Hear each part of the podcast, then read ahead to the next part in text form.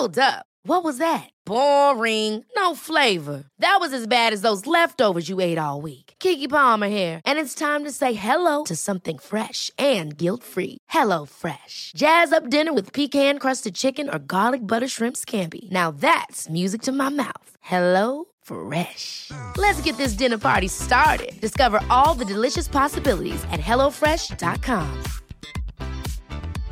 This is Paige, the co-host of Giggly Squad, and I want to tell you about a company that I've been loving, Olive and June. Olive and June gives you everything that you need for a salon quality manicure in one box. And if you break it down, it really comes out to $2 a manicure, which is absolutely insane. It's also so easy to get salon worthy nails at home with Olive and June. The difference between how your nails used to look when you did them yourself and now with the Manny system is a complete game changer. The best thing about Olive and June too is it's a quick dry. Dries in about one minute, lasts for five days, and full coverage in up to one to two coats. Visit oliveandjune.com slash perfectmanny20 for 20% off your first system. That's oliveandjune.com slash perfectmanny20 for 20% off your first system. Hiring for your small business? If you're not looking for professionals on LinkedIn, you're looking in the wrong place. That's like looking for your car keys in a fish tank. LinkedIn helps you hire professionals you can't find anywhere else, even those who aren't actively searching for a new job but might be open to the perfect role. In a given month, over 70% of LinkedIn users don't even visit other leading job sites. So start looking in the right place. With LinkedIn, you can hire professionals like a professional. Post your free job on linkedin.com slash people today.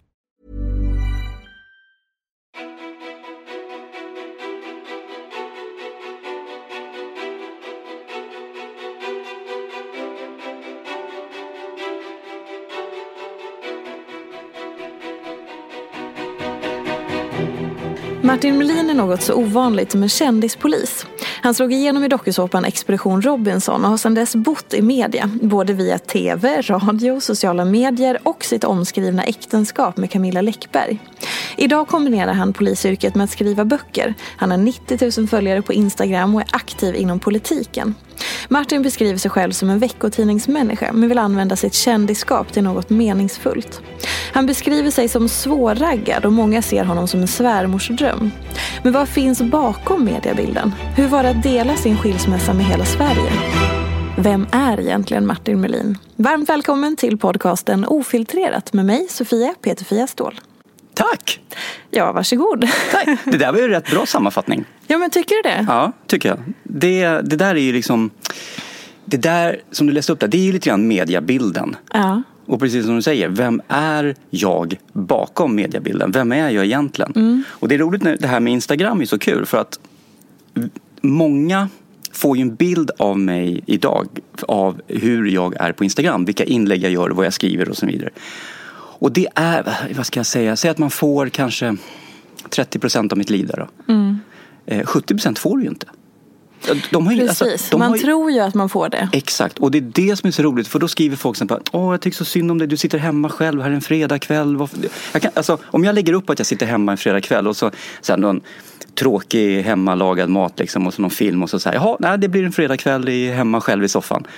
Och då kan jag få kanske tio personer som skriver till mig och liksom så här, nej men det skulle du inte behöva göra eller kom vi sitter här ett gäng från Falun liksom, i Stockholm, kom, kom, kom, kom till Riches, vi är här och så här. Ja, men, Vadå, de bjuder in dig, okända ja, människor? ja, ja, ja. Och För det- att det är dåligt att sitta själv hemma? Ja, de, de, de tycker att det är, det är synd om mig naturligtvis. Det är tråkigt. Mm. Sen kanske de tycker det skulle vara kul om jag kom ut också. Men, men de tycker så här, "Nej, men du ska inte sitta här. Många tycker synd om att jag sitter här. Det de kanske inte vet är att jag vilar upp mig. För att på torsdagskvällen var jag på ett jävla fest och, det och så här. Som jag inte har berättat om. Ja. Det är det att de får ju inte hela bilden. Eller man får inte hela bilden av att bara följa mig på Instagram. Man får en, en riktning brukar jag säga. Men man får egentligen inte 100% innehåll. Jag är ju lite, alltså jag har ju ett privatliv. Har du verkligen det? Ja, jag har, ja, gud ja. alltså, eh, jag är ju väldigt eh, öppen, jag är väldigt personlig. Men, men, men mm, skillnaden mellan att vara personlig och privat är ju hårfin. Mm. Hur mycket vet man egentligen? Men jag vill faktiskt säga det att det är, jag är mer privat än vad folk tror. Vad är det du inte lägger upp då? Ja, eh, till exempel en sån som alla, många frågar om, det här dejtning med tjejgrej. Jag har varit singel liksom i fem år sedan jag skilde mig. Ehm, har du inte träffat en tjej då på fem år? Och tittar du på mitt Instagram så har jag inte gjort det. Nej. Men det är klart jag har. Mm. Eh, det är någonting jag inte lägger upp och jag kommer inte heller lägga upp förrän liksom jag verkligen träffar någon och där jag har en relation och, och där det är på seriöst. Eh, alltså, en, en, en, riktig relation och det, det, har inte varit det. Det har inte kommit dit. Men till exempel mina dejtande där, det lägger jag inte upp någonting om. Till exempel. Men det finns mycket jag lägger upp. Mycket, det är, jag lägger upp en hel del från polisjobbet också. Och det är ju samma där. Där är det ju 90 procent av det jag lägger upp är ju egentligen mina tankar och, tankar och åsikter liksom om polisarbetet mer än faktiskt jobben vi gör. För att mm. det går inte av sekretessskäl eller rätt sagt jag kan inte hålla på liksom och ta massa bilder när jag jobbar. Liksom, det går inte. Så det är också en sån här sak, där får man inte heller speciellt mycket. Men jag försöker, man säger så här, på Instagram så man får en bild av vem jag är, det får man. Det, det speglar nog ganska mycket den jag är ändå, det gör det. Eh, men som sagt, du får inte veta detaljer. Men kan du känna att eh, mediebilden av dig är inte helt liksom rättvis? Media, ja, ja, eller mediebilden, eller sagt den allmänna bilden om mig. Och det som, hur skiljer sig de två? Ja, det, jag, dels finns det ju fördomar. Jag har jobbat, jag var ju med när din kollega Fördomspodden här förut och det, det, jag har alltid jobbat mot fördomar. Ända sedan liksom 97 när jag liksom blev offentlig, jag hatar ordet, men, men när folk börjar veta vem jag är. Eh, och då har jag alltid jobbat mot fördomar, att folk har har du varit med i en dokusåpa så har folk fördomar. Då är, du får en stämpel i pannan att det här är en, en korkad människa som inte kan någonting annat. Men även 20 år senare? Även 20 år senare. Och det, jag har haft olika steg på det här. Um, för det första vill jag bara säga att Explosion Robinson kanske inte har det riktigt dåliga, eller dåliga ryktet, men kanske inte har det ryktet riktigt om du är med till exempel Paradise Hotel mm. så får du en stämpel om du varit med i Paradise Hotel. Sen kan du vara världens mest fantastiska människa och jättemånga som har varit med i Paradise Hotel är fantastiska människor, men det finns ändå en stämpel. Och jag fick den stämpeln efter Robinson ehm, och det märkte jag första gången jag började skriva böcker. Eller började skriva böcker när jag skulle ge ut min första bok rättare sagt. Jag hade ju skrivit böcker långt innan jag var med i Expedition Robinson, eller skrivit långt innan Robinson. Och sen gav jag ut min första bok och det var alltså recensenter, det fanns en recensent uppe åt eh, Sundsvallshållet. Han skrev så här. Och sen kommer Martin Melin ut med en bok i höst, men den hyser vi inga stora förhoppningar till. Han hade alltså inte läst en rad och han öppnar med det och han var då alltså recensent i den här tidningen. Och det var någon annan recensent som skrev att den här boken var så bra så jag misstänker att Melin har fått hjälp. Alltså, mm. alltså det fanns en, det fanns en sorts, ett extrem fördom om att jag kan inte skriva. Och då vet man, de visste ju inte att jag hade skrivit hela mitt liv och jag hade ja, men gått en journalistutbildning, skrivit där, lärt mig skriva där. Alltså att jag hade skrivit. Sen var det ju nästa gång och det var ju med politiken, när jag kom in i politiken för två år sedan. Då var det också fördomar. Vad är det här? Kommer någon kille som varit med i Robinson för 20 år sedan? Ska han, vad vet han om liksom, politik? Och så visade det sig att i det området som jag då eh, brydde mig om politiskt, alltså rättspolitiken, så visste jag och kunde jag ganska mycket. Och jag kunde även då sätta det på pränt och jag kunde sätta det på ord och förklara och faktiskt hade idéer och tankar som var ganska vettiga. Det var många där faktiskt som kom fram efteråt och sa det att oj då, jag måste bara säga att jag hade en viss fördom och så vidare. Så att jag har hela tiden under de här 20 åren jobbat mot fördomar. Jag träffar på folk som blir väldigt förvånade när de sitter med mig en timme och pratar med mig. Jag att det här, ofta går de därifrån och säger du, jag har fått en helt annan bild av dig. Det här, mm. Du var inte alls så som jag trodde. Därför de ser mig stå leende på någon du vet, röda mattan någonstans och svamlar eller ah, man är med i något lekprogram och du vet, och då, det är så att jag har ju olika typer. Det finns ju privata Martin och så finns det den offentliga Martin. Och det är klart, den offentliga Martin då, då går man in i rollen lite grann. Och är man med i ett lekprogram, ja då är, leker man med. Annars behöver man inte vara med i det här programmet. Och går man på en premiär så då får man stå och smajla upp för kameran. Annars kan man gå, gå, gå och se bion själv liksom. Det ingår, det är någonting i spelet. Så att, ja, men det, där, det, det, det är en balansgång att vara liksom offentlig och, och, och hantera det. Stör det dig lite? Att du, känner, att du inte liksom får komma eller bara, bara vara du? Ja, men jag känner, någonstans känner jag ändå att när min första bok kom ut, eller rätt sagt min andra bok kom ut så kände jag någonstans att, för den blev så väl mottagen och då upptäckte folk att, eller många då som, de som läste boken upptäckte att han kan ju skriva. Um, och det där någonstans, där kände jag någonstans att det dog lite grann och framförallt efter bok tre där så dog liksom den kritiken ner, eller det snacket. Det är inte längre någon som säger att, ja men vadå, ska han ge ut en bok? Det får han göra bara för att han är känd liksom. Mm. Nu har jag gett ut, håller på med min fjärde bok och det, det är bara att konstatera, du får inte ge ut böcker om du inte kan skriva eller rätt sagt en bok men inte bok två, bok tre och bok fyra. Så att någonstans känner jag där har jag väl på något fått lite revansch. Och där har jag då fått bevisa att jag faktiskt kan skriva. Och politiken känner jag väl också, jag var liksom den kandidat som, till riksdagen som fick näst mest kryss i Stockholm efter eh, Jan, Jan Björklund och partiledaren. Och det tycker jag också var ett bevis på att, helvete lite nu, här har jag ju faktiskt gjort och sagt saker som gör att folk vill se mig i riksdagen. Så där var också lite revansch. Så att jag har ju fått revansch lite grann och upprättelse. Så att, men jag har ju fått jobba för dem. Och hur var det innan du klev in i offentligheten? Har du haft mycket fördomar på dig innan det? Mm, nej, det har jag nog inte haft. Och jag har ju alltid varit, eller alltid, så här starkt ord, alltid.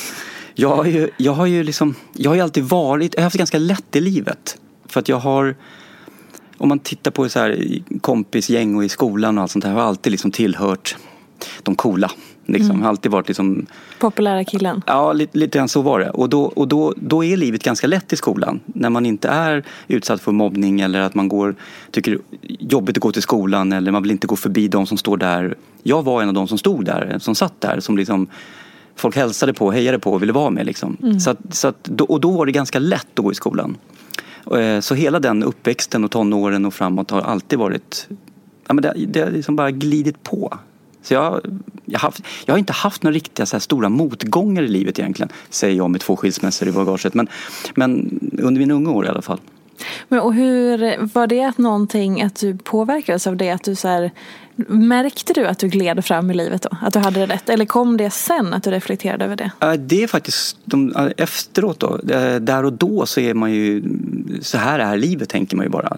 Man ser ju inte de som har det jobbigare eller man, man, man, man tänk, eller jag tänkte inte på det i alla fall. Utan det har ju kommit efteråt när jag liksom har tänkt tillbaka på hur livet var. Framförallt nu när jag har barn min äldsta dotter fyller ju 16 här nu. Och när hon går i skolan och de problemen hon är med om och då reflekterar jag över hur jag hade det och hur, vilken skillnad egentligen och hur lätt jag hade det. Så det, det, det är väl egentligen när man själv får barn som man ser hur, hur man själv var som barn. Ja, det är ju en helt ny tid att gå i skolan nu och bara för bara tio år sedan Oh ja. är ju en enorm skillnad med alla sociala medier och allting. Oh ja. Och det här är någonting som jag känner att skolan har inte hängt med på det här. Och inte liksom, så att säga, vad ska man säga, myndigheter har inte hängt med. Alltså skolan har inte en aning om vad det här med sociala medier är. De har inte en aning vilken kraft det är. De tror ju fortfarande att folk står och knuffar på varandra i, liksom, runt, bakom skolan, att det är mobbning. Men de har inte fattat någon, alltså jag, jag blir Ibland blir jag orolig när jag sitter och pratar med rektorer och, och lärare hur otroligt dåligt och lite de vet. Och de skulle behöva gå en utbildning helt enkelt. Och det, det kan säga, det, är- det är 20-åringar som ska hålla i den utbildningen. Och lära dem och tala om att så här mobbar ungdomar idag. Ja, jag hade Nika Hennestig, en stor eh, influencer här precis innan dig. Och vi pratade just om det drevet som kom när hon gjorde slut med sin kille som är stor youtuber och alla hans en halv miljon följare vände sig mot honom. Det, mordhot var bara liksom förnamnet eh, på, Ja, ja. på det. Ja. Ja, jag kan tänka mig. sig. Nej, och dessutom många då som känner att de är lite anonyma, även fast de kanske är öppna med vilka de är, så är de även anonyma. Det är skillnad att stå i en ring runt en person och liksom peka och säga du är dum, vi gillar inte dig. Mot att faktiskt bara skriva en kommentar. Exakt. Det som jag brukar säga när jag pratar med folk som råkar illa ut är att glöm inte att det är ganska lätt att skriva den där komment- alltså de som skriver kommentarerna, det är lätt för dem att göra det. Det är inte säkert att de faktiskt menar det där. Ofta så, saker och ting ser ju starkare ut och värre i skrift än vad det gör i ord. Om någon skriver jag hatar din jävel, och så läser du det. Du läser ju det med enormt stora bokstäver och hårt. Medan den som säger det kanske bara, fan jag hatar det, alltså, det här är så dumt. Det är lite mjukare kanske. Så att det ska man också ta med i beräkningen. Att det är så lätt att slänga ut sig någonting när man bara sitter bakom en, en telefon eller bakom en, en dator. Men lik förbannat, för den som läser det så känns det hemskt. Exakt. Och som du skriver där, som får liksom flera hundratusen som hör av sig och bara säger du är ju värdelös. Det är inget roligt. Nej. Men om vi går tillbaka till, eh, för ditt liv måste ändras väldigt drastiskt när du var med i Robinson och du blev en offentlig person, du vann och liksom var med i media helt plötsligt.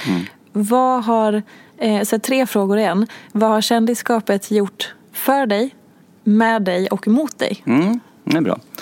Ehm, för var att efter det här, precis efter Robinson, det var verkligen nästan över en natt. Det gick på ungefär två månader. Från, från oktober till december så helt plötsligt i december visste alla vem jag var i hela Sverige.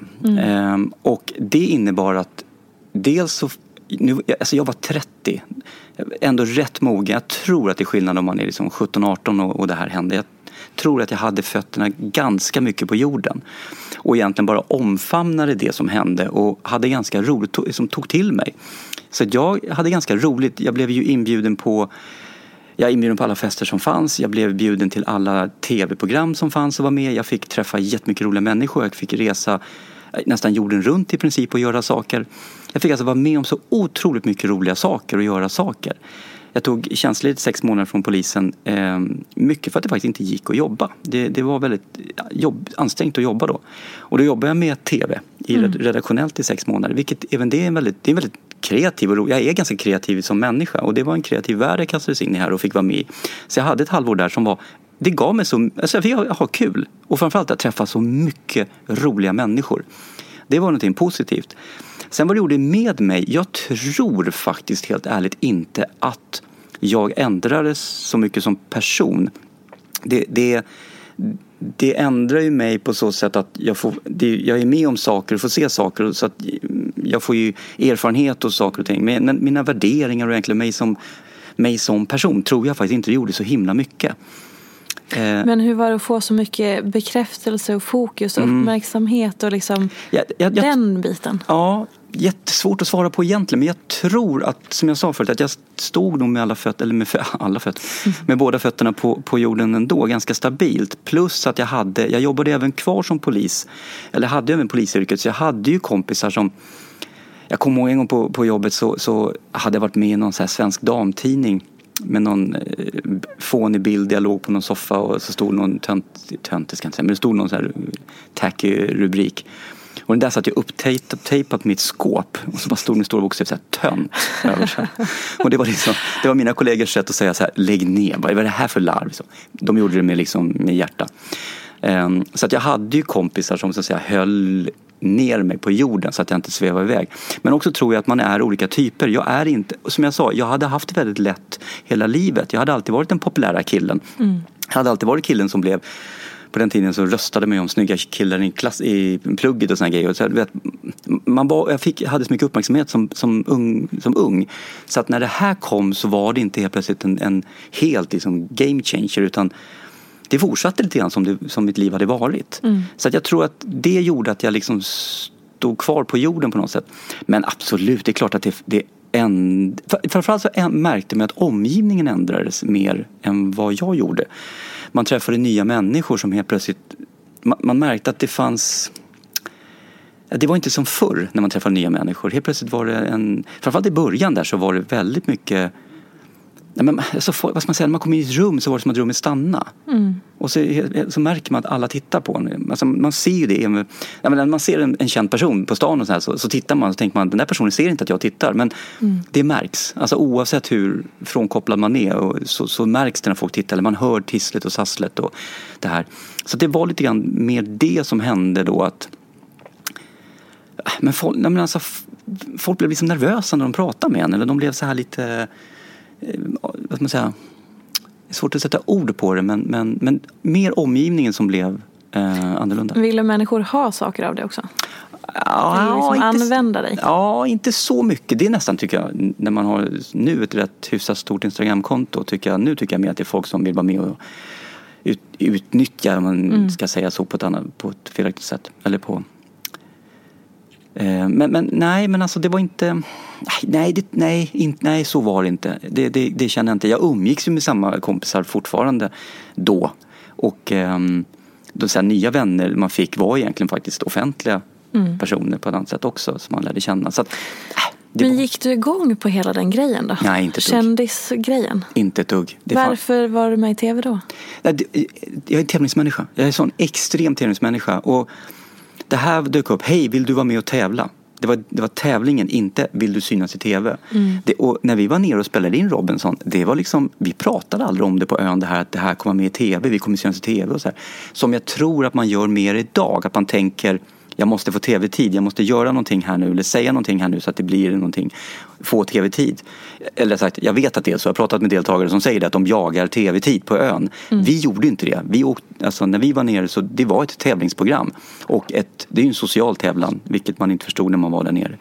Så att jag ville ju vara med för, för tävlingsgrejen. Vi visste inte ens om att det var prispengar. Det fick vi veta när vi blev uttagna. Då sa mm. de, ja by the way, det är en halv miljon före skatt också. Eh, så det handlade inte om det här att vilja att synas och vara med i TV. Det var någonting som liksom kom på köpet. Eh, och vi tänkte inte på det där nere heller utan det, efteråt så visade det sig, oj då, helt plötsligt tittade hela Sverige på det här programmet och då var det så här, wow.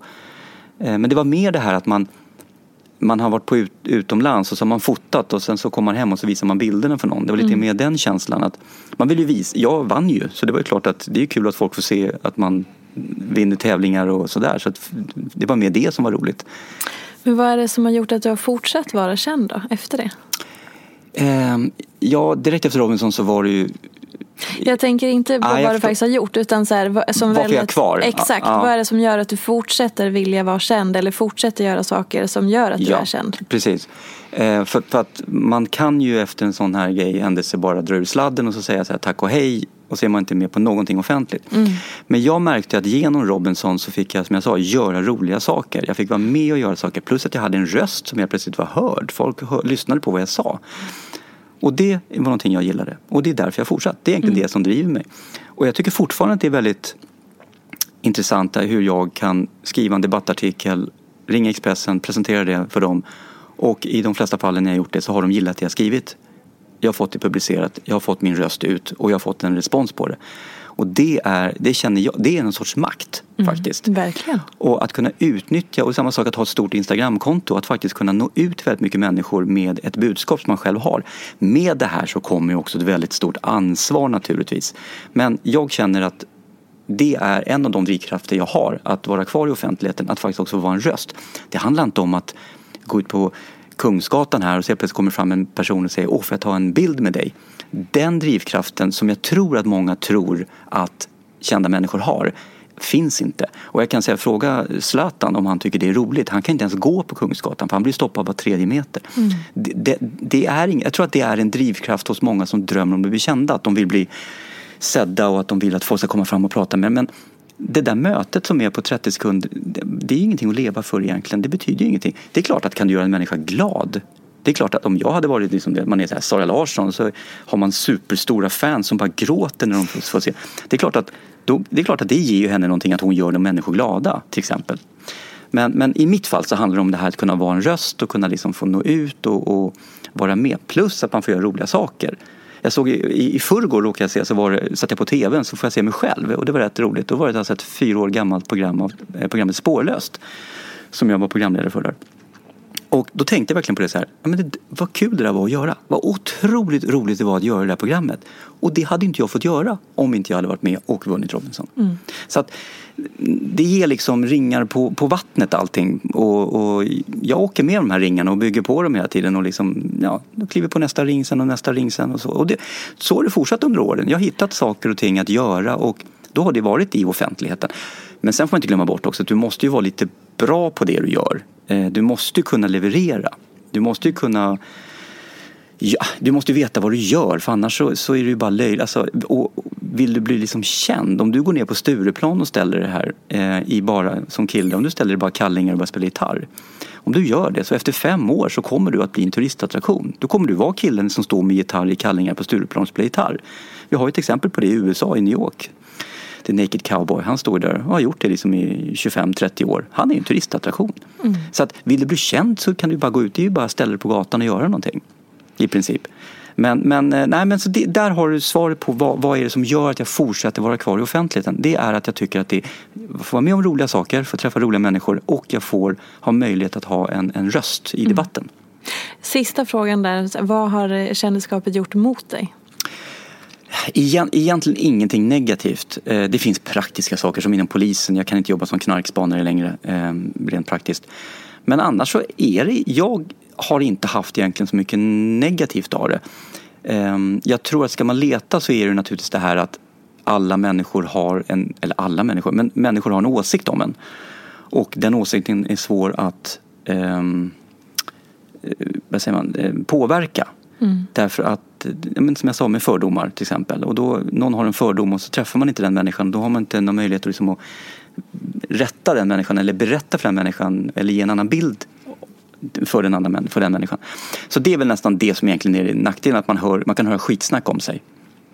Men du sa att eh, det är skillnad på personligt och privat och så. Men du hade ju ett tillfälle, framförallt din andra skilsmässa där med Camilla Läckberg som var väldigt, där det privata övergår i någon slags skvaller och alla ska Mm. ha en åsikt och det skrivs om. Hur var det att dela det då? För det är ju väldigt privat. Ja, det är verkligen privat. Och det är, nu, att, alltså, att skilja sig är ju jobbigt och att skilja sig liksom i offentligheten är nog ännu jobbigare.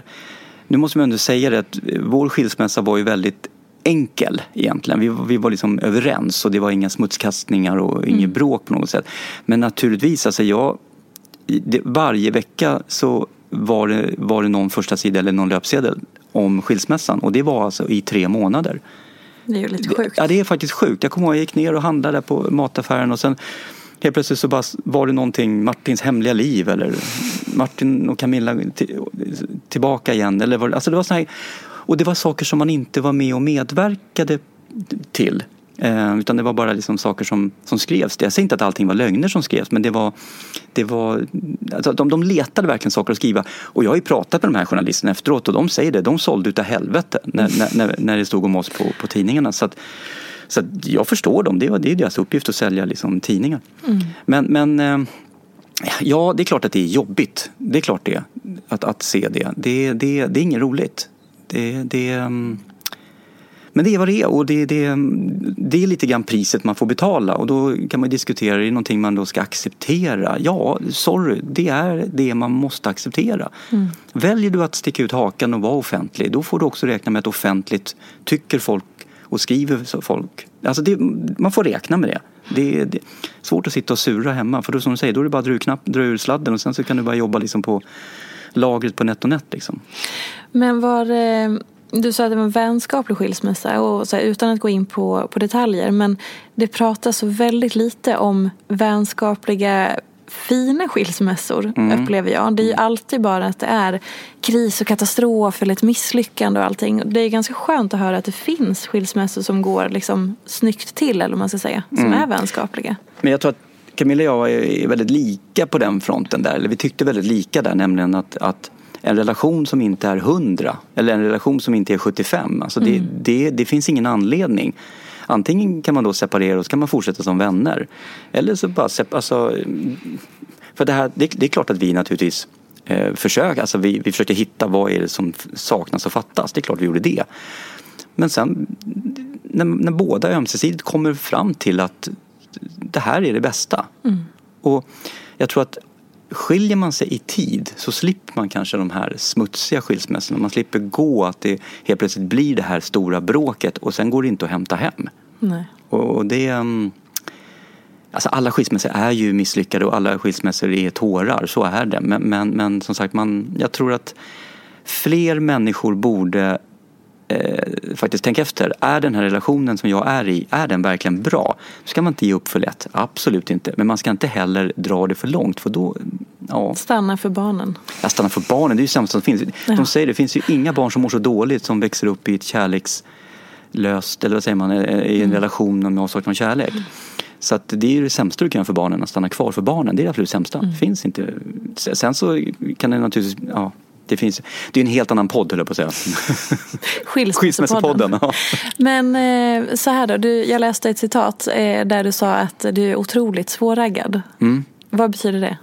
Ehm, Och förlåt, att du har väldigt höga krav på din nästa flickvän. ja. Vad betyder det? Ehm, det, det första betyder att det är svårraggad betyder att, vad betyder svårraggad?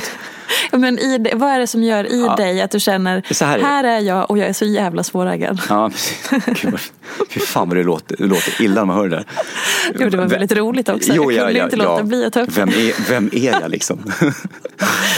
jag, ser, jag ser mig själv, jag sitter i ett hörn och bara kommer, någon för fram en tjej och jag sitter och tittar, synar och så bara skakar på huvudet, bort, bort, viftar bort. Någon kommer fram med en ny, det, ja, det är den bilden. Och så, så är det inte, verkligen inte. Jag är verkligen inte så. Nej, vad det handlar om är att har man skilt sig två gånger då har jag sagt att nästa relation jag går in i ska vara den sista relationen. Alltså jag är så alltså det måste verkligen vara, kännas 100 procent. Det får inte vara liksom så 90 procent. Ja, det måste verkligen vara, det ska vara sista relationen. Det är väldigt höga krav. Det är extremt höga krav. Ja. Och det kan ju vara så att det känns 100 procent första månaden och sen helt plötsligt upptäcker man saker eller så är man nere på 90 och då är det så här, ja, nej, sorry. Um, så att jag alltså jag det, det jag menar med det helt enkelt är att jag, jag, jag, har väldigt höga krav. Det handlar inte om att den här personen måste vara alltså, missperfekt. Det är inte det det handlar om. För att jag har ju också mina liksom, egenheter och mina dåliga sidor och allt sånt där. Så att, men det måste vara en person som funkar med mig. Mm. Um, och det, det, men det känns någonstans som att jag, jag, vill ju träffa en person som också blir liksom min bästa vän. Som, som den person som jag vill liksom helst resa med eller gå ut och göra saker med, festa med och, och så, sitta hemma i soffan med och laga mat med. Och det, alltså. men det, är så här, det, det, ska verkligen vara den som är the girlfriend. Liksom. Mm. Det, det, mm, och då är, det, då, då, då är jag väldigt kräsen.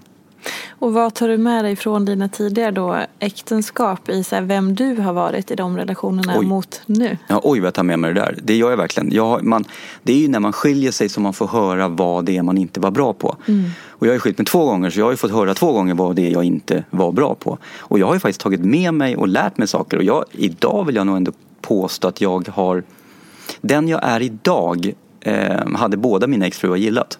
Mm. Om vi säger så. Trevligt. Mm. För att jag har verkligen tagit till mig av det de har sagt att jag har varit dålig på. Vad har du varit dålig på då?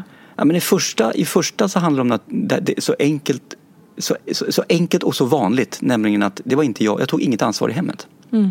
Och med barnen. Utan det var min första exfru. Hon, hon, tog ju allt ansvar. Jag levde ju mitt liv och spelade golf och innebandy och jobbade och satt vid datorn och spelade spel. Alltså jag, jag levde det livet. För det fanns ju någon där som tog hand om barn och, och hem. Mm. Så det var ju ett jätteenkelt liv. Så det tog jag till mig. Um, och när det gäller Camilla så var det ju saker och ting som vi pratade hit och dit fram till och tillbaka med så, som, som jag också har tagit till mig med, inga jättestora saker, men, men så här små saker.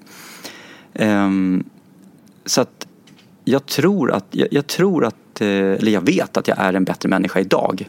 Bättre människa, men jag är en, en um, Jo, jag är en bättre människa idag än vad jag var för fem år sedan till exempel. Så att jag tror att, att, jag tror att hittar jag rätt tjej så tror jag att jag, jag kan leverera. Jag, alltså jag, jag, tror att, jag tror att även jag kan vara någon som, som jag, kan, jag, tror att jag, jag, tror att jag kan vara en bra pojkvän. Men är det så att du aktivt då söker och så får du en hel, du är fortfarande den populära killen på Instagram kan jag tänka mig, mm. att du får en del uppvaktning? Jo det får jag, det får jag och, och, och um, det är ju trevligt. Alltså det är ju det. Men, men, och det jag menar med att jag är svårraggad är att om du skickar ett meddelande på Instagram och så skriver du Hej Martin, jag tycker du verkar jättetrevlig, jättefin kille, ska vi ses?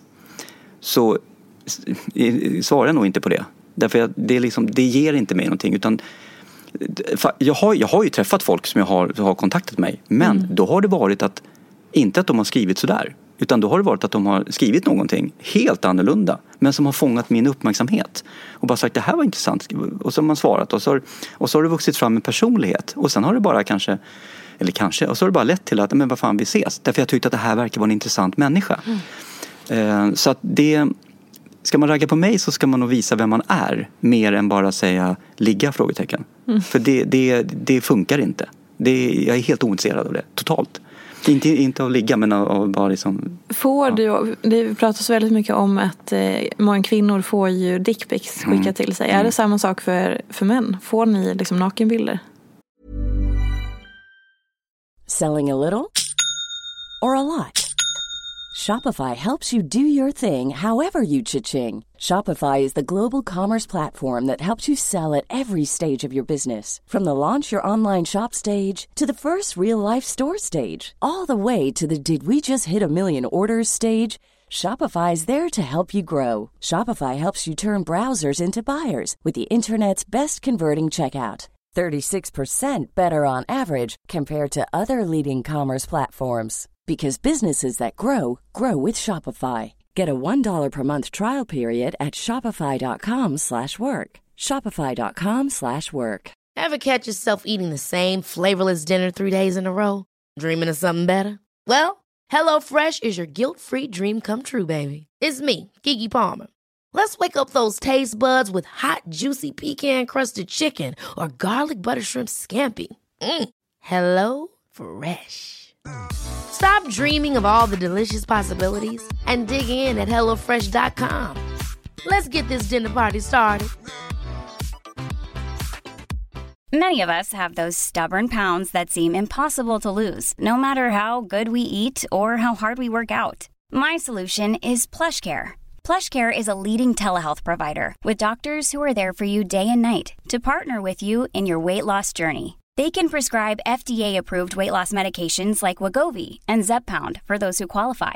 Plus, they accept most insurance plans. To get started, visit plushcare.com slash weight loss. That's plushcare.com slash weight loss. Hey, it's Ryan Reynolds, and I'm here with Keith, co star of my upcoming film, If, only in theaters, May 17th. Do you want to tell people the big news? All right, I'll do it. Sign up now and you'll get unlimited for $15 a month in six months of Paramount Plus Essential Plan on us. Mintmobile.com slash switch. Upfront payment of $45 equivalent to $15 per month. Unlimited over 40 gigabytes per month. Face lower speeds. Videos at 480p. Active Mint customers by 531.24 get six months of Paramount Plus Essential Plan. Auto renews after six months. Offer ends May 31st, 2024. Separate Paramount Plus registration required. Terms and conditions apply if rated PG. Pussypix. Ehm, eh, det har hänt. Men jag, jag tror det har hänt kanske två gånger. Ehm, och det är ju, det är ju så här. Det är ju det är ju samma sak där. Det är ju helt ointressant. Alltså det, det, eller, Jag förstår inte vad folk håller på med. Nej. Med alla de här nakenbilderna som skickas till främlingar. Nej, och det, jag, jag, jag, för mig är det så här, det, det, ja, men det ger ingenting. Det ger, utan, men däremot så saknar jag överhuvudtaget bilder ibland. Jag får mejl ibland, folk ska säga, och så får man mejl som är så här, två av fyra sidor och de beskriver och allting och sitt liv och allting. Och så säger de "Ja, det var jättekul kanske om vi kunde ses någon gång. Men de skickar liksom inte med någon bild. Och i, i, kalla mig, kalla mig liksom ytlig men, men jag vill gärna se vem det är som har skrivit det här. För att utseendet har en betydelse. Det, det, det är det första du bedömer. Om det inte är så att någon skriver någonting, för då har det varit det de skriver bedömer. Men utseendet har en betydelse. För mig har det det. För jag måste känna en attraktion till en person om jag ska leva med en människa. Kalla mig ytlig, men så, sån är jag. Och det står jag för. Så att, eh, och att skicka nakenbild och det är så här, ja. Det var inte det jag frågade efter utan det är att, hur ser du ut faktiskt? Ett par ögon. Ett par ögon. börjar med. Nej men börja med ett ansikte. Ja. Så att, um, nej men det där är konstigt. Jag- Och, och, som sagt, det är inte lika vanligt att tjejer gör till killar. Men att, och det är roligt att killar tror någonstans att, men jag tror att det här är en, inte sjukdom kanske, men det är en störning någonstans. Att jag tror att de här killarna går igång på att du, att de vet att du har sett deras, eller sett dem naken. De går igång på det. När de ser att du har öppnat det här så vet de att du har sett honom naken. Och det får de en kick av. Och jag tror att det kan de leva på liksom rent alltså, upphetsningsmässigt. Jag, tror, jag tror att det är så det fungerar. Mer än att de tror att du ska tycka shit vilken schysst kuk. Den här killen alltså, jäklar. Jag tror inte det. Jag tror inte det är det de tror. Eller Den vill. moderna blottaren. Lite så. Ja, exakt. Det, är- det är precis vad det är. Det är som blottare. Det, det, jag tror att det är det de går igång på. Utan att veta och utan att på något sätt forskat eller pratat med någon som vet det här. Det är bara lekmans. Men du, eh, om man så här, tar bort eh, hela det här offentliga livet och sådär. Vem är liksom eh, människan, Mm. människan bakom? Jag är ju...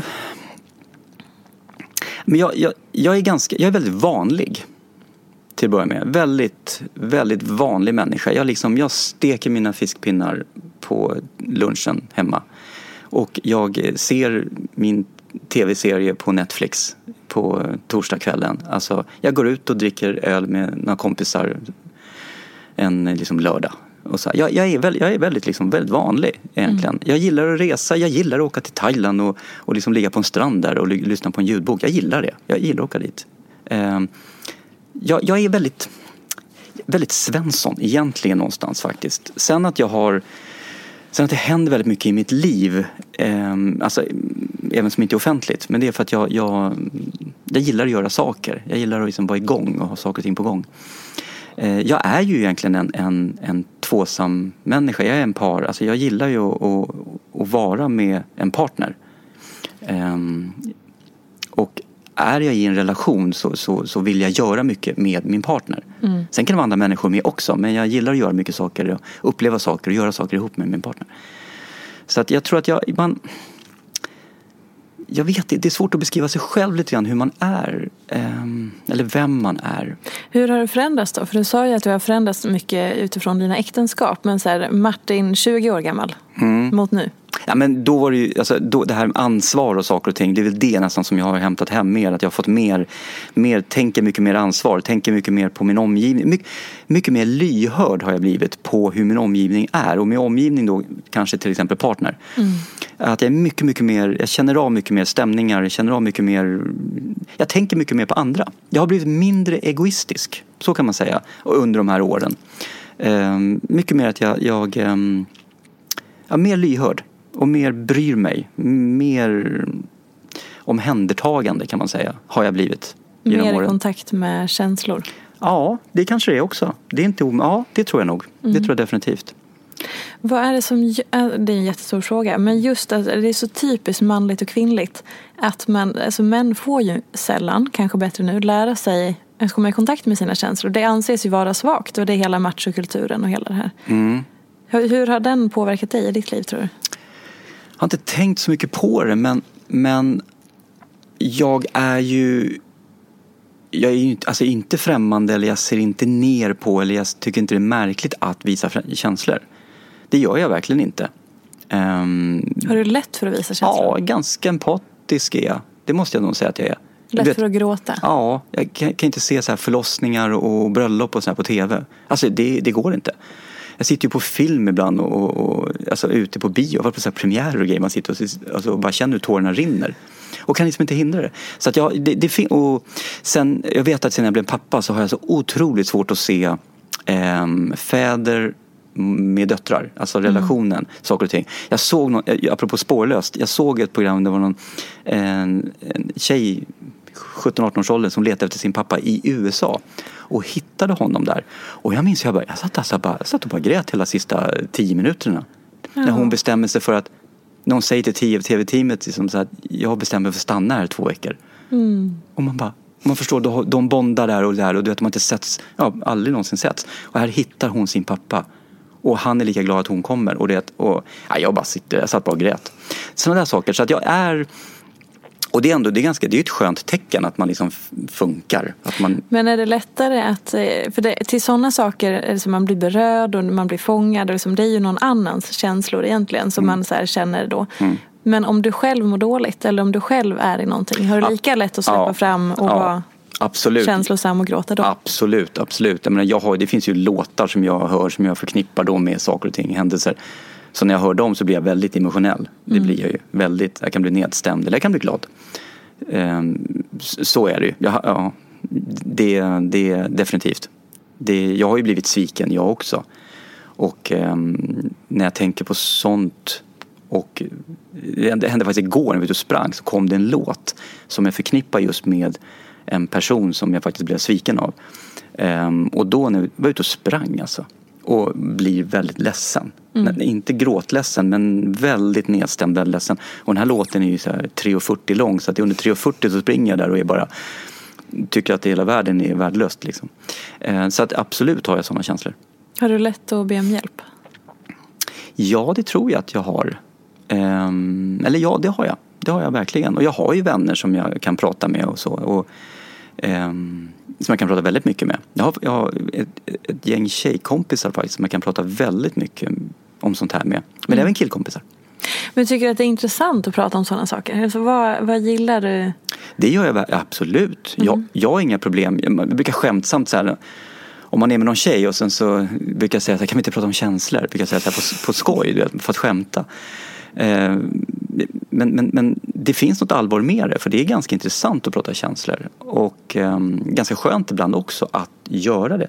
Men det gäller ju att den du pratar med är mottaglig eller förstående eller vill det. Alltså det, är, det hänger väldigt mycket på vem du pratar med. Mm. Och det är därför, nu har jag, jag har bara varit hos psykolog två gånger i hela mitt liv men det är därför jag förstår folk som går till terapeuter. Därför att där sitter en människa som vill lyssna, kan lyssna och är duktig på att lyssna. Så att, och, och kan även då respons, eller respondera på, på rätt sätt. Och det är därför som folk går dit antar jag. Mm. För att har man en kompis som är lika bra behöver du inte gå till en psykolog. Liksom. Eh, och jag har då bra kompisar. Men har det gått över två olika tillfällen, bara en gång i taget? Ja, eh, nej, jag gick hos en, jag gick hos en eh, och efter två gånger så sa hon att jag tycker inte du behöver gå hit mer. Varför inte? Nej, hon såg inga problem. Såg du problem? Ja, jag ville veta om det var ett problem. Och, och det var ah. inget problem. Så det var ganska intressant.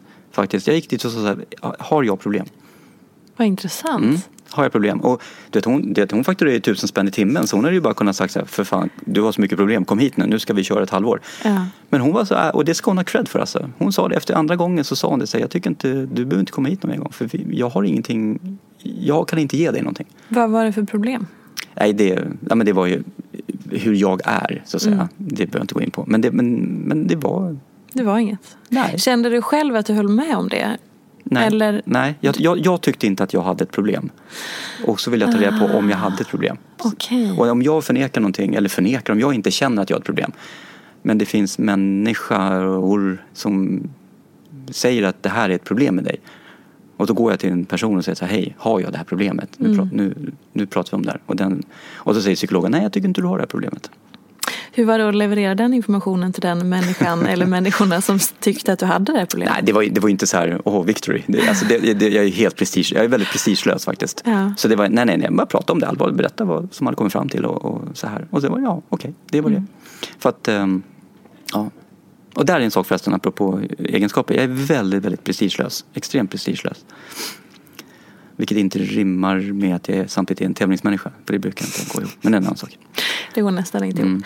Ehm, det här med polisyrket är väldigt intressant. Mm. Eh, nej men jag har uppfattat att du inte tycker att eh, polisutbildningen är eh, liksom förberedande för verkligheten för de som ska bli poliser. Mm. Vad är det man inte vet om polisyrket som eh, är liksom i verkligheten? Eh, nej men dels, det, det är väldigt många som, som, som slutar polisutbildningen eh, när de har påbörjat den. Eh, och det är ju ett tecken på att de inte var förberedda när de klev in på utbildningen.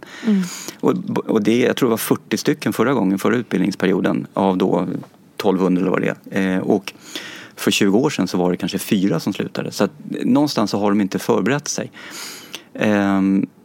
Jag, jag, jag tror dock att många som börjar utbildningen ändå vet vad det är de ger sig in i. De vet vad jobbet går ut på. Dels genom alla, alla ja, alla ska jag inte säga, men dels genom Instagram naturligtvis, sociala medier. Men också att polisen numera faktiskt producerar de här programmen, Stockholmspolisen och Södertäljepolisen och Norrlandspolisen och allt vad de heter. Som jag tycker ger en bra inblick i vad polisarbetet går ut på. Så att man är idag förberedd.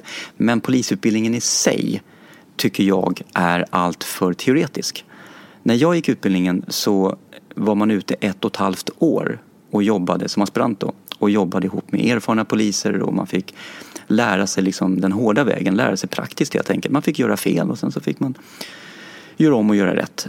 Idag är ju den där tiden, den är ju, det är ju inte ens ett halvår man är ute. Alltså man, man får alldeles för lite praktisk utbildning. Utan det är mycket, mycket mer teoretisk utbildning, sitta i grupper och själv liksom lösa uppgifter. Och jag, jag tycker inte det är bra. För att polisutbildningen är en yrkesutbildning och polisyrket är väldigt praktiskt. Det är ingen, inget akademiskt yrke. Det, det handlar om att du ska vara en duktig, duglig människa, social kompetens, sunt förnuft och sen ska du liksom kunna lösa liksom, problematik egentligen. Det handlar om att du får ju ofta träffa människor som är i nöd eller som har varit i nöd. Alltså folk som är utsatta för brott eller som har begått brott. Det är de två typerna du träffar på.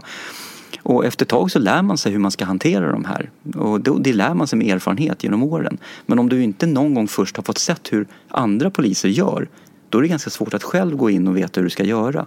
Och jag menar, har man en ordentlig praktik som vi då hade ett och ett halvt år, då hinner du faktiskt vara med om det mesta. Men om du har en praktik som bara är kanske fyra, fem månader, mm, not so good.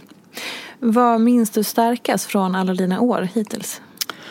Oj, jag har ju varit polis, jag är inne på mitt 29 år. Jag har ju, alltså det finns nästan ingenting jag inte varit med om faktiskt. Jag har nog sett och upplevt det mesta eh, inom polisen. Och det är klart att alltså, döda människor är ju någonting speciellt. Och vi hanterar ju en hel del döda människor.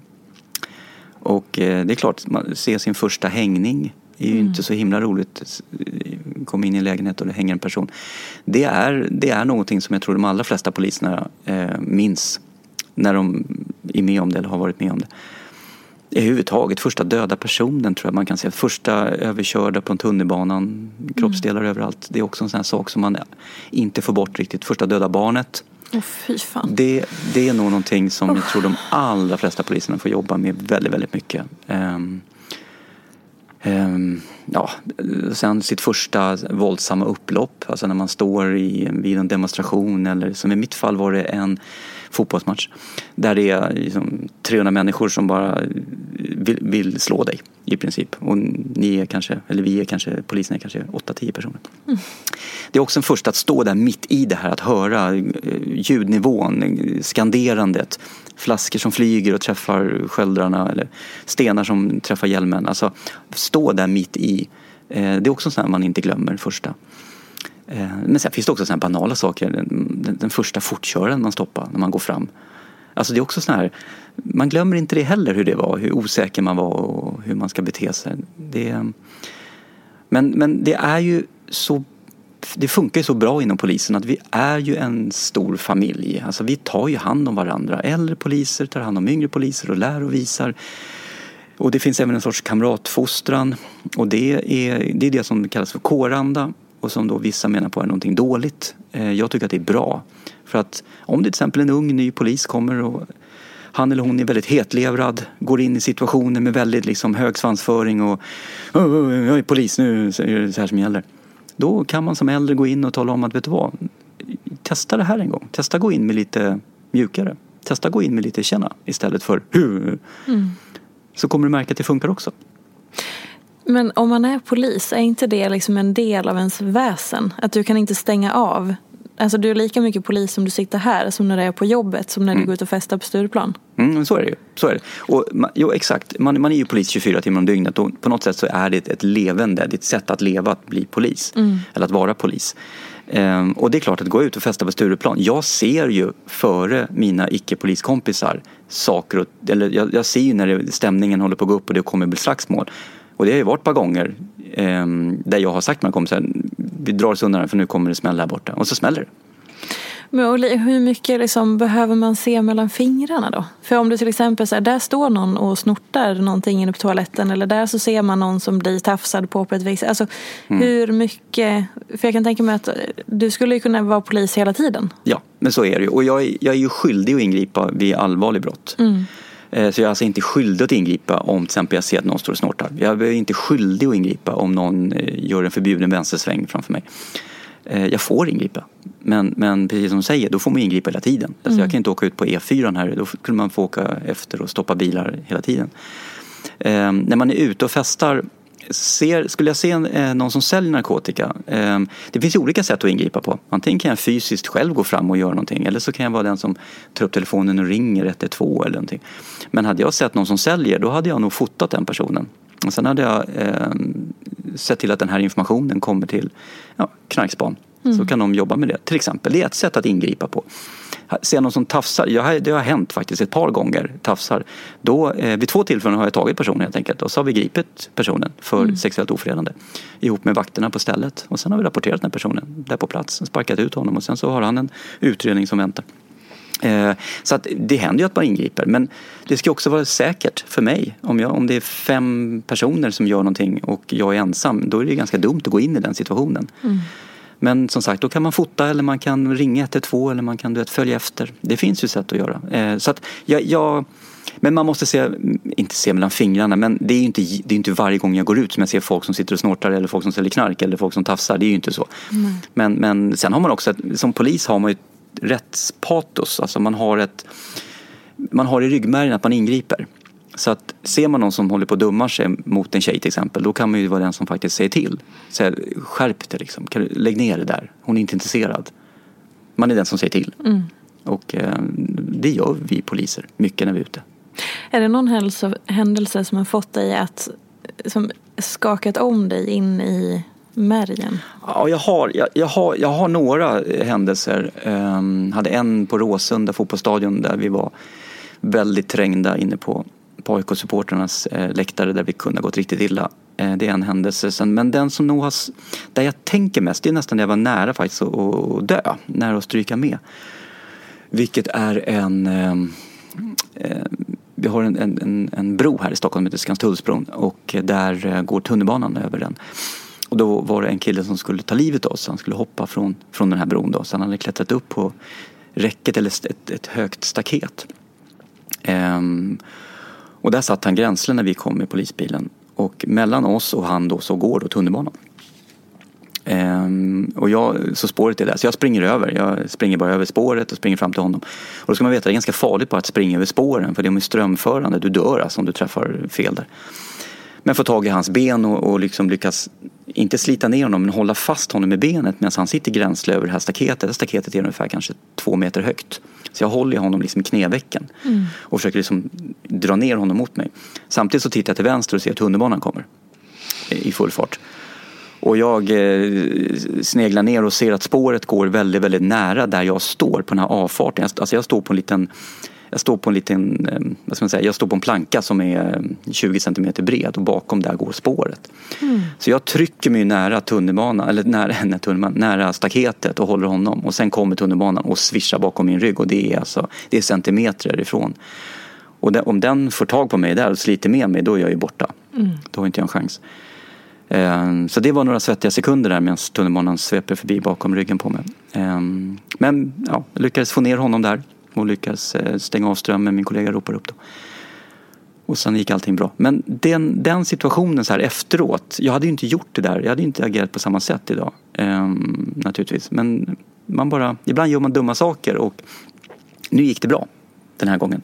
Så att ehm, det, det är ju inte helt riskfritt att vara polis, det får man inte glömma bort. Vi har ju poliser som dör och, och det är inte så som många tror att vi blir skjutna eller något sånt utan faktum är att det är ju i trafiken oftast som, som vi råkar illa ut.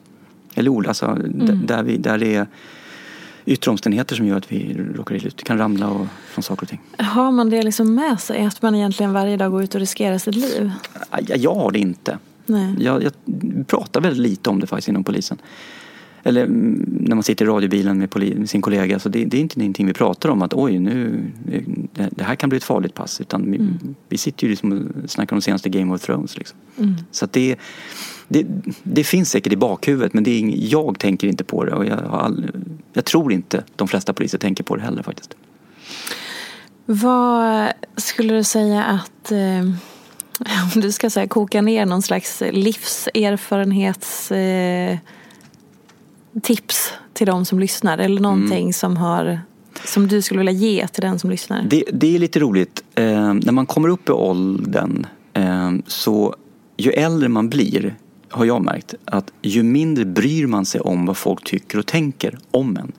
Så att egentligen skulle jag vilja ge råd till folk som är ska säga, mellan 20 och 25 som lyssnar på det här att var, alltså bli lite tuffare och ta inte åt dig så mycket av vad folk tycker och tänker. Därför att om en människa säger du är ful det är en människa av nio miljarder som säger det. Alltså, det betyder inte... Alltså, jag vet att man ser det, man hör det, man läser man, man, och så tänker man så här, "Jaha, den där människan gillar inte mig. Ja, men vet du vad? Låt den människan inte gilla dig då. Det gör ingenting. Det här, man kan inte vara älskad av alla. Det är okej att vissa människor inte tycker om en. Och det där, det där tror jag fler ska, måste ta till sig. Man måste inte vara omtyckt av alla, man måste inte vara älskad av alla. Skit i dem, skit i dem som inte gillar dig. Alltså skit i dem som inte gillar dig. Någon som ger dig kritik, bara ja, du gillar inte mig, fine, bort. När landade du själv i det? Ja, men det var kanske så här 10-15 år sedan någonstans. Och, eller sagt, då tror jag jag började reflektera över det. Och jag, jag, minns när jag, jag minns när jag fyllde 40. Då kom jag ihåg, jag tänkte så här, fan nu är jag 40. Shit vad gammal jag är nu. Nu, jag skiter fullständigt i vad folk tycker och tänker nu. Då någonstans började det. Um, och sen har det bara blivit bättre och bättre. Så att idag är jag väldigt bra på att ta kritik. Därför att jag tänker verkligen att nej, den där människan gillar inte vad jag säger eller vad jag skriver eller vad jag gör. Men jag bryr mig inte. Tar du till dig någon form av kritik? Ja, ja, gud ja. Jag tar med mig, ja, ja. Vi- Viss kritik är ju befogad. Jaha. Det finns ju konstruktiv kritik och allting. Alltså herregud, man är ju inte, man är inte perfekt. Alltså det, det är ju absolut. Men däremot ren så här dum kritik, det är ju så här bara bort. Men jag tänkte på, du sa att du alltid har det går lite hand i hand med det du precis sa. Ehm, Du sa, för tidigare i ditt liv så har du alltid varit, eller du har alltid varit den här populära killen, den eh, svärmorsdrömmen eller det här, eh, liksom haft det lätt på det sättet. Vad har liksom den rollen gjort med dig? För då är det ju som att så här, det ger ju mycket bekräftelse antar jag och folk visar en uppskattning och man blir liksom satt på någon form av pedestal. Så här, att ha den rollen som den snygga och populära, vad gör det med, med dig? Det ger ju ett självförtroende såklart, det gör det ju. Ehm, och att hantera självförtroende är bland det svåraste man kan göra. Därför att det är väldigt lätt att det kan stiga åt huvudet och du blir en odräglig idiot. Ehm, att vara ödmjuk, att ha självförtroende och vara ödmjuk, det är ibland tycker jag det är en svår konst. Och jag försöker att vara där. Försöker att landa där. Och därför är det så bra när man har då folk som kan, ja men, du, du ska få ett jättebra exempel. Jag, på Instagram ett tag så la jag upp väldigt mycket så här bara överkroppsbilder. Mm. Av någon anledning. Av vilken anledning? Ja, av någon jävla anledning. Berätta. Nej, jag vet inte. Men, men det var, Du gillade det? Ja, men det var väl någon sorts halvbekräftelsegrej. Så. Ja. Och då kom jag, då var, var det då, då var det en person som, som en offentlig person faktiskt, som, som tråkade mig ganska mycket med det där. Och allt det här. Och många tyckte att han var elak som gjorde det. Men, men jag, efter ett tag så tänkte jag, tänkte så här, men han har ju rätt. Fan Martin, sluta med det här tramset. Alltså, lägg ner Martin. Ja. Faktiskt. Så att, och det var ganska skönt att komma till den insikten så här, fan, lägg ner. Så att jag, jag, jag bara la ner det. Det, det roliga var att det blev, ett, ett tag så blev det en grej att jag bara gjorde det för att provocera lite grann också. Men då började jag tänka så här, gör jag verkligen det? Är det verkligen därför? Så att det är ganska bra ibland att folk som tar en lite grann i örat liksom, och, eller ruskar om en lite grann och säger hej, get back to reality. Liksom. Nu, nu. Men hur är det då att så här, bli äldre när man alltid har varit en snygga? Mm, men det där är, tror jag, att, att, att åldras, det är, det är ju en konst i sig att åldras. Ja. Ehm, jag har ju aldrig gått runt och tänkt att gud vad snygg jag är. Jag, jag går inte runt och tänker på det. Ehm, och sen är det väl så här att ja, är man då, om man blir 55 får man väl, då kanske man är så här, då finns det så här 45-åringar som tycker att man är attraktiv liksom. Mm. Man, man, man får liksom sitta, man, man får vara glad åt det då. Så här. Men är det jobb, alltså jag menar så här, i dig, är du rädd för Nej, att så här, inte ett dugg. tänk om jag blir hängig? Eller In- tänk om jag inte längre är den snygga? Inte ett dugg. Inte ett dugg. Trots att du varit den Ja. personen hela livet? Ja, och det här kommer du förstå när du blir äldre. Därför att, åh gud vad jag lät. Det här kommer du förstå när du blir äldre. Nej men det här, när man blir äldre, Ja. då Det där var inte mansplaining, det där var Nej. åldersplaining. Ja, nej, verkligen inte. Gud, nej. Ja, nej, nej, nej, men det här, nej, men, eh, nu lät jag som en verkligen en gammal människa som säger, när du blir äldre då kommer du förstå mig. Va, vad det handlar om är att när man blir äldre så man- får andra värderingar också. Det finns andra saker som betyder mer. När man är 20 kanske det är utseendet som är viktigast. När du är 50 så kanske det är en, en, hur en persons intellekt kunskapsmässigt är viktigare. Ehm, och någonstans så, så ehm, intellekt blir snyggt så att säga. Så man uppskattar andra saker. Så att jag, jag tror att man, man, det man, man får kompensera då utseende med att faktiskt bli en ganska skön person. Och vara liksom en, en härlig människa.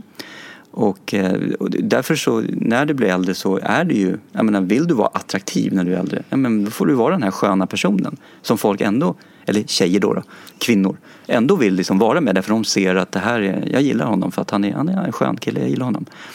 Medan när du är 20 då räcker det med så här, shit vilken mage han har, alltså, den killen vill jag ha liksom. Åh gud, det räcker inte alls med det. Nu, Ja, men det är kör- klart det nu inte är i och för sig jag inte 20 längre, men alltså, Nej det är räcker. klart det inte gör, men du, alltså, Jag jag, jag, försöker dra ytterligheter liksom. Mm, jag fattar.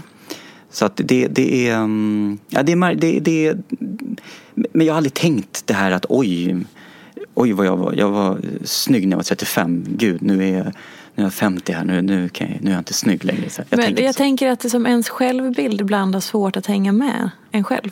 Men du har aldrig upplevt något sånt? Nej, jag tycker att jag accepterar nog rätt mycket eh, jag accepterar nog rätt mycket ändå att jag är den jag är och att liksom man, åldrandet är vad åldrandet är. Eh, I mitt fall nu, jag är ju i bättre fysisk form idag när jag är 52 än vad jag var när jag var 22. Eller när jag var 32. Jag är ju i bättre fysisk form idag. Varför är du det då?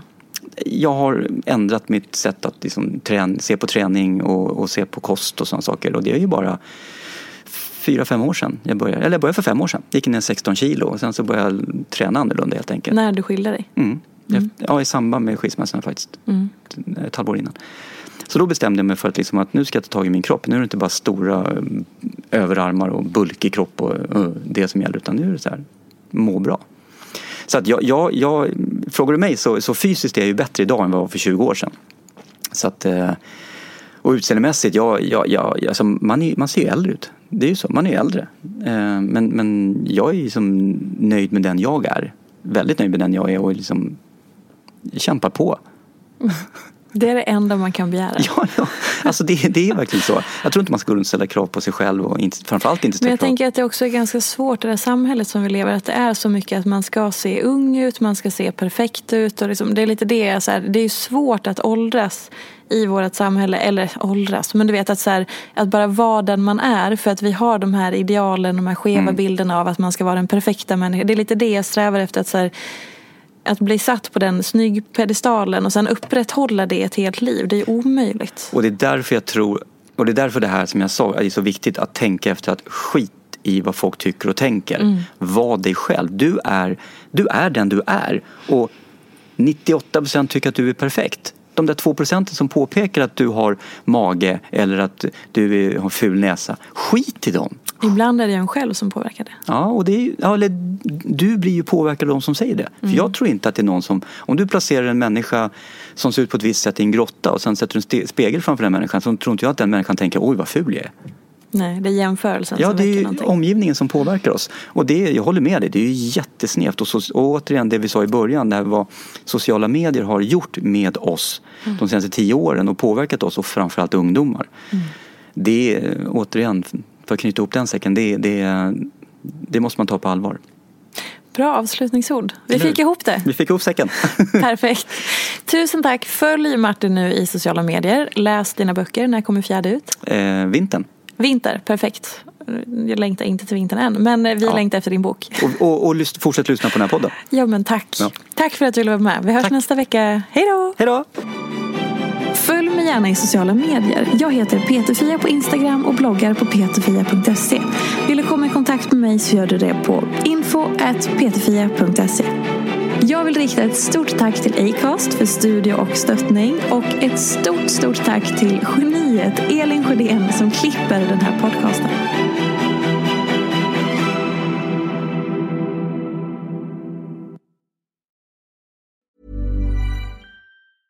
Selling a little or a lot? Shopify helps you do your thing however you cha-ching. Shopify is the global commerce platform that helps you sell at every stage of your business. From the launch your online shop stage to the first real life store stage, all the way to the did we just hit a million orders stage. Shopify is there to help you grow. Shopify helps you turn browsers into buyers with the internet's best converting checkout. 36% better on average compared to other leading commerce platforms because businesses that grow grow with Shopify. Get a $1 per month trial period at shopify.com/work. slash work. shopify.com/work. slash work.